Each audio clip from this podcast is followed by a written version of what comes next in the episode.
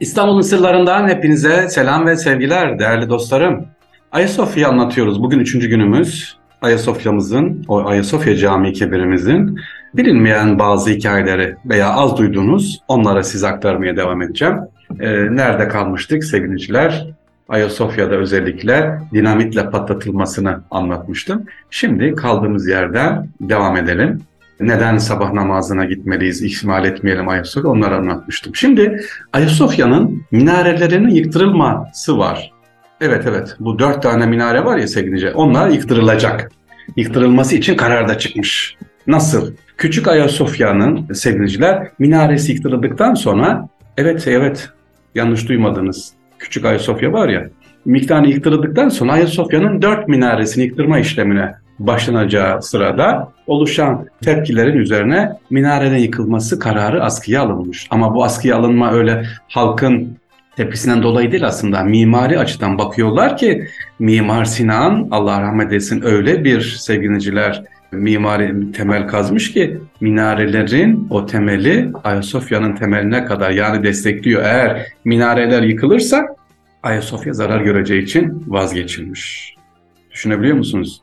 Fatih Sultan Mehmet Han'ın bize emaneti İstanbul Ayasofya Camii Şerifi kebiri e, yıktırılmak isteniyor minareleri.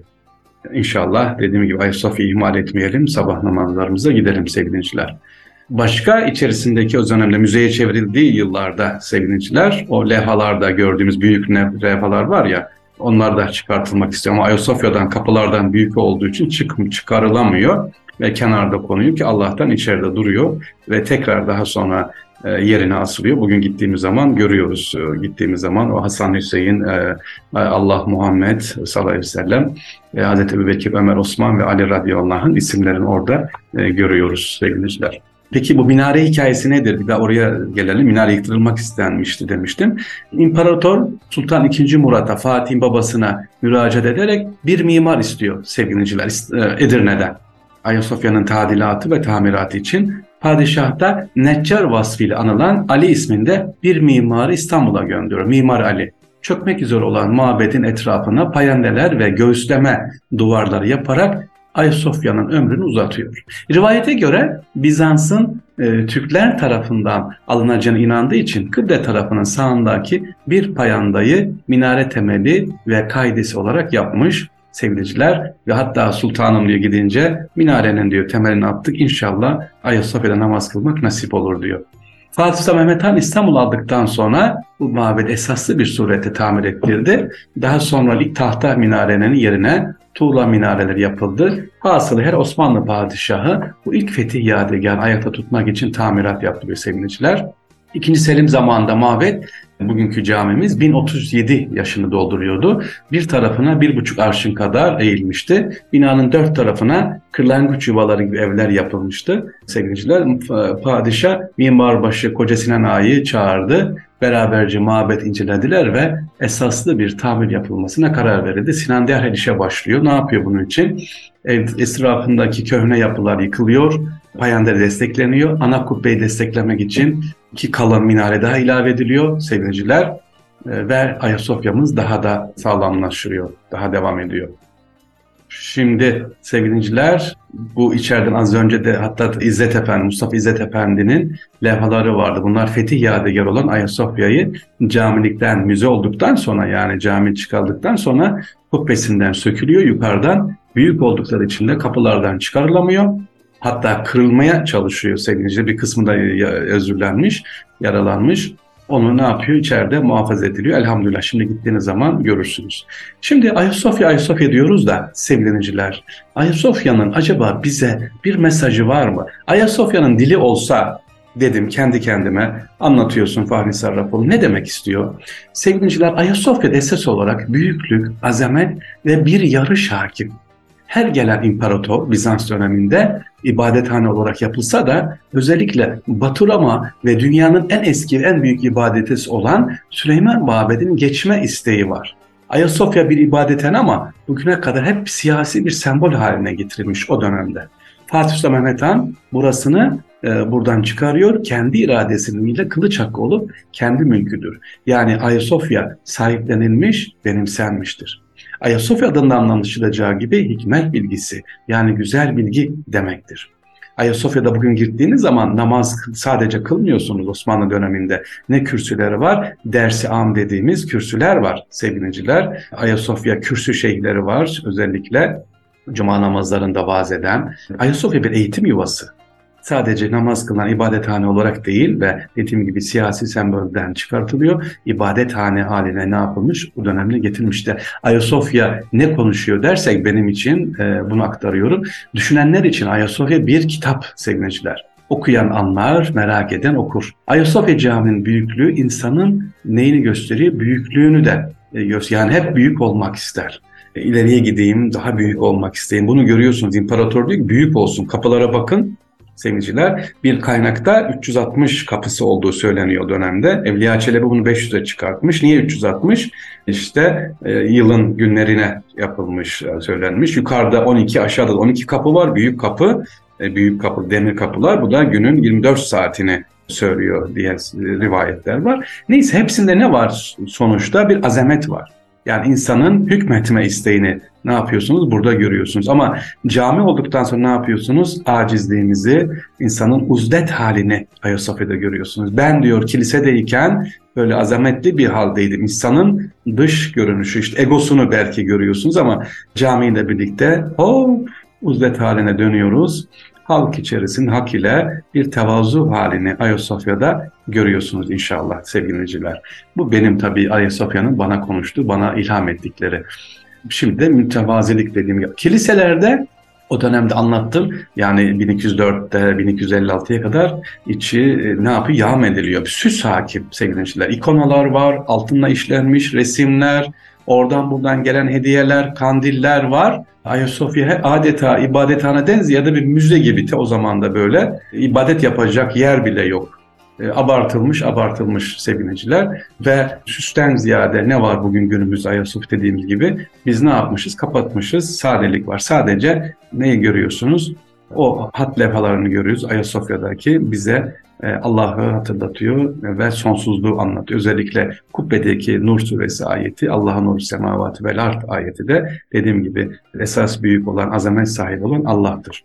Bir tabi sorular var hep sevgiliciler. Ayasofya'da imparatorun taş giydiği yerle ilgili bunu da anlatalım. Hz. İsa Aleyhisselam'ın çarmıha gerilmesi kararını istemeden de olsa veren Roma'nın Filistin valisi Pontius Pilatus kalabalık İsa'nın öldürülmesini isteyince vali içi dolup süs kap istiyor. Ve ellerini yıkayarak herkese bu adamın kanından ben sorumlu değilim, sizin sorumluluğunuz der. İşte imparator taş giymeden önce sevgiliciler elini burada yıkıyor. Diyor ki benden öncekilerin yaptıklarının sorumluluğunu almıyorum diyor. Böyle de bir ritüel varmış sevgiliciler. Kaynakta bunu da gördüm. O bugün çevrili olan alan var. Taç giyme e, töreninin yapıldığı yer. Peki bir soru daha var. Ayasofya'ya Müslümanlar girebiliyorlar mıydı? Çok güzel bir soru sevgiliciler. Müslümanlar ziyaret etmek isterlerse kapıcılar binanın kapısının üstüne bir haç koyuyorlar. Haç var ve onun önünde secde etmedikçe kimseyi içeri almıyorlar.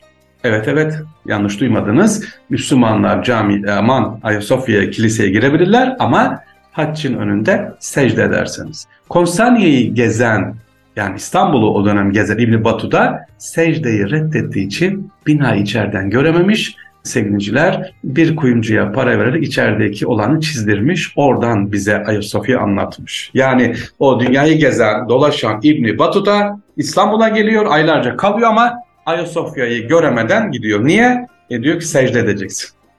Evet.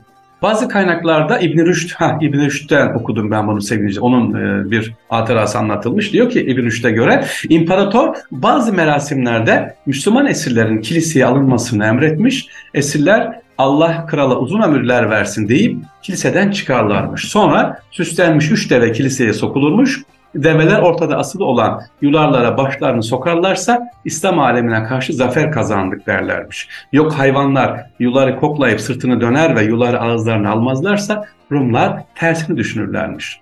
Rumların Müslüman esirleri Ayasofya'nın içine sultanlarını övmeler için e, alıyorlarmış sevgiliciler. Bu da İbn-i Rüşd'in kaynağında söyleniyor.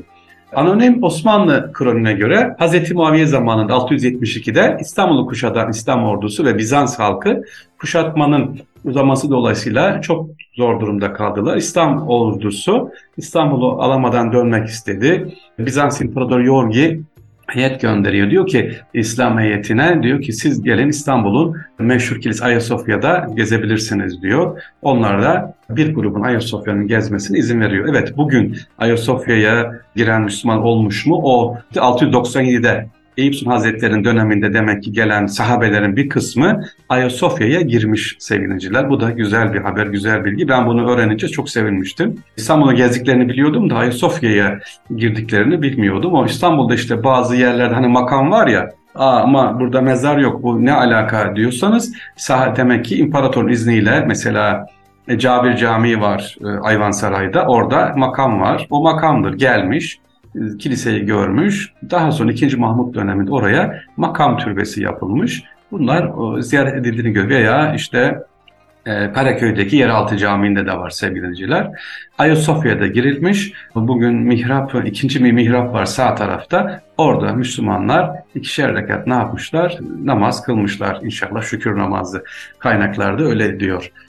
İkinci örneğimiz Harun Reşit zamanında mesela sevgiliciler 869'da Harun Reşit İstanbul'u kuşatıyor. Şehirde Müslümanlar evler ve mescitler yapılması ve haraç vermeleri karşılığında Bizanslarla anlaşma yapılmış ve İstanbul'da o zamanki gene gelen askerlerin, komutanların bir kısmı Ayasofya'ya girmişler özel izinle sevgiliciler. Bu arada Fatih Ayasofya'ya gelip tasavvuf derslerine katılıyormuş sevgiliciler. Molla Ahmet İlahiddin'in Ayasofya Camii'nde Fatih'in huzurunda tasavvufa dair yaptığı konuşmalar birkaç gün sürmüş. Fatih Sultan Mehmet'in Ayasofya Vakfiyesi'nde cami hizmet edecek görevler ve bunların silah şekilleri belirlenmiş. Fatih Ayasofya'da ücretleri her şeyi ne yapmış detaylı bir şekilde anlatmış sevgili dinleyiciler. Tabii ilginç bir şey var bu arada. Müezzin kayımlar rehberlik ücreti alması yasaklanmış Sultan II. Abdülhamit Han döneminde. Nasıl yani? 13 ee, Nisan 1909 tarihinde bir e, sevgiliciler Sultan Abdülhamit e, tabi tahttan indirilmiş. Yerine 65 yaşındaki kardeş Mehmet Reşat 5. Mehmet ünvanıyla tahta geçiriliyor ve hemen bir ferman yayın diyor ki Ayasofya Sultan Mehmet Camii'ni ziyarete gelen ecnebilerden ücret alınmasın sevgiliciler. Evet o dönemde işitilmiş, görülmemiş, uygulamaymış. Aman diyor gelsinler. Üst katı tabii gezebiliyorlar, görebiliyorlarmış özel izinle. Bugün nasıl gayrimüslimler girebiliyor mu camiye? Girebiliyor. O dönemde Osmanlı döneminde üst kata çıkabiliyorlar. izinle gezebiliyorlarmış sevgiliciler. Ha Osmanlı döneminde Ayasofya'nın rengi nasıldı? Bir de bunu anlatayım, bitireyim, uzatmayayım sevgiliciler. Osmanlı döneminde Ayasofya'nın rengi Sultan Abdülmecit döneminde Ayasofya dış cephesi iki kez baştan başa sarı ve kırmızı şeritler halinde boyanmış. Cumhuriyet döneminde ise yapının rengi soluk sarıya dönüştürülmüş. Uzun yıllar bu renkte kalan Ayasofya'nın cephesi 1982-88 yıllar arasında gül kurusuna boyanmış değerli dinciler. Aynı dönemde kilise rengi olduğu iddiasıyla tabii tartışmalara yol açmış ve dönemin Kültür Bakanı Atilla Koç demiş ki gelecek yıl sarıya boyatacağız demiş. Bir müddet sarıya boyanmış. Şu anda da Ayasofya'nın rengi gördüğünüz renk haline ne yapmış? Gelmiş sevgiliciler. Şimdi Ayasofya bitti mi bitmez. Ee, inşallah Ayasofya anlatmaya yarın da devam edeceğiz sevgiliciler. İstanbul'un sırlarından hepinize selam ve sevgiler diyorum efendim. Allah'a emanet olunuz.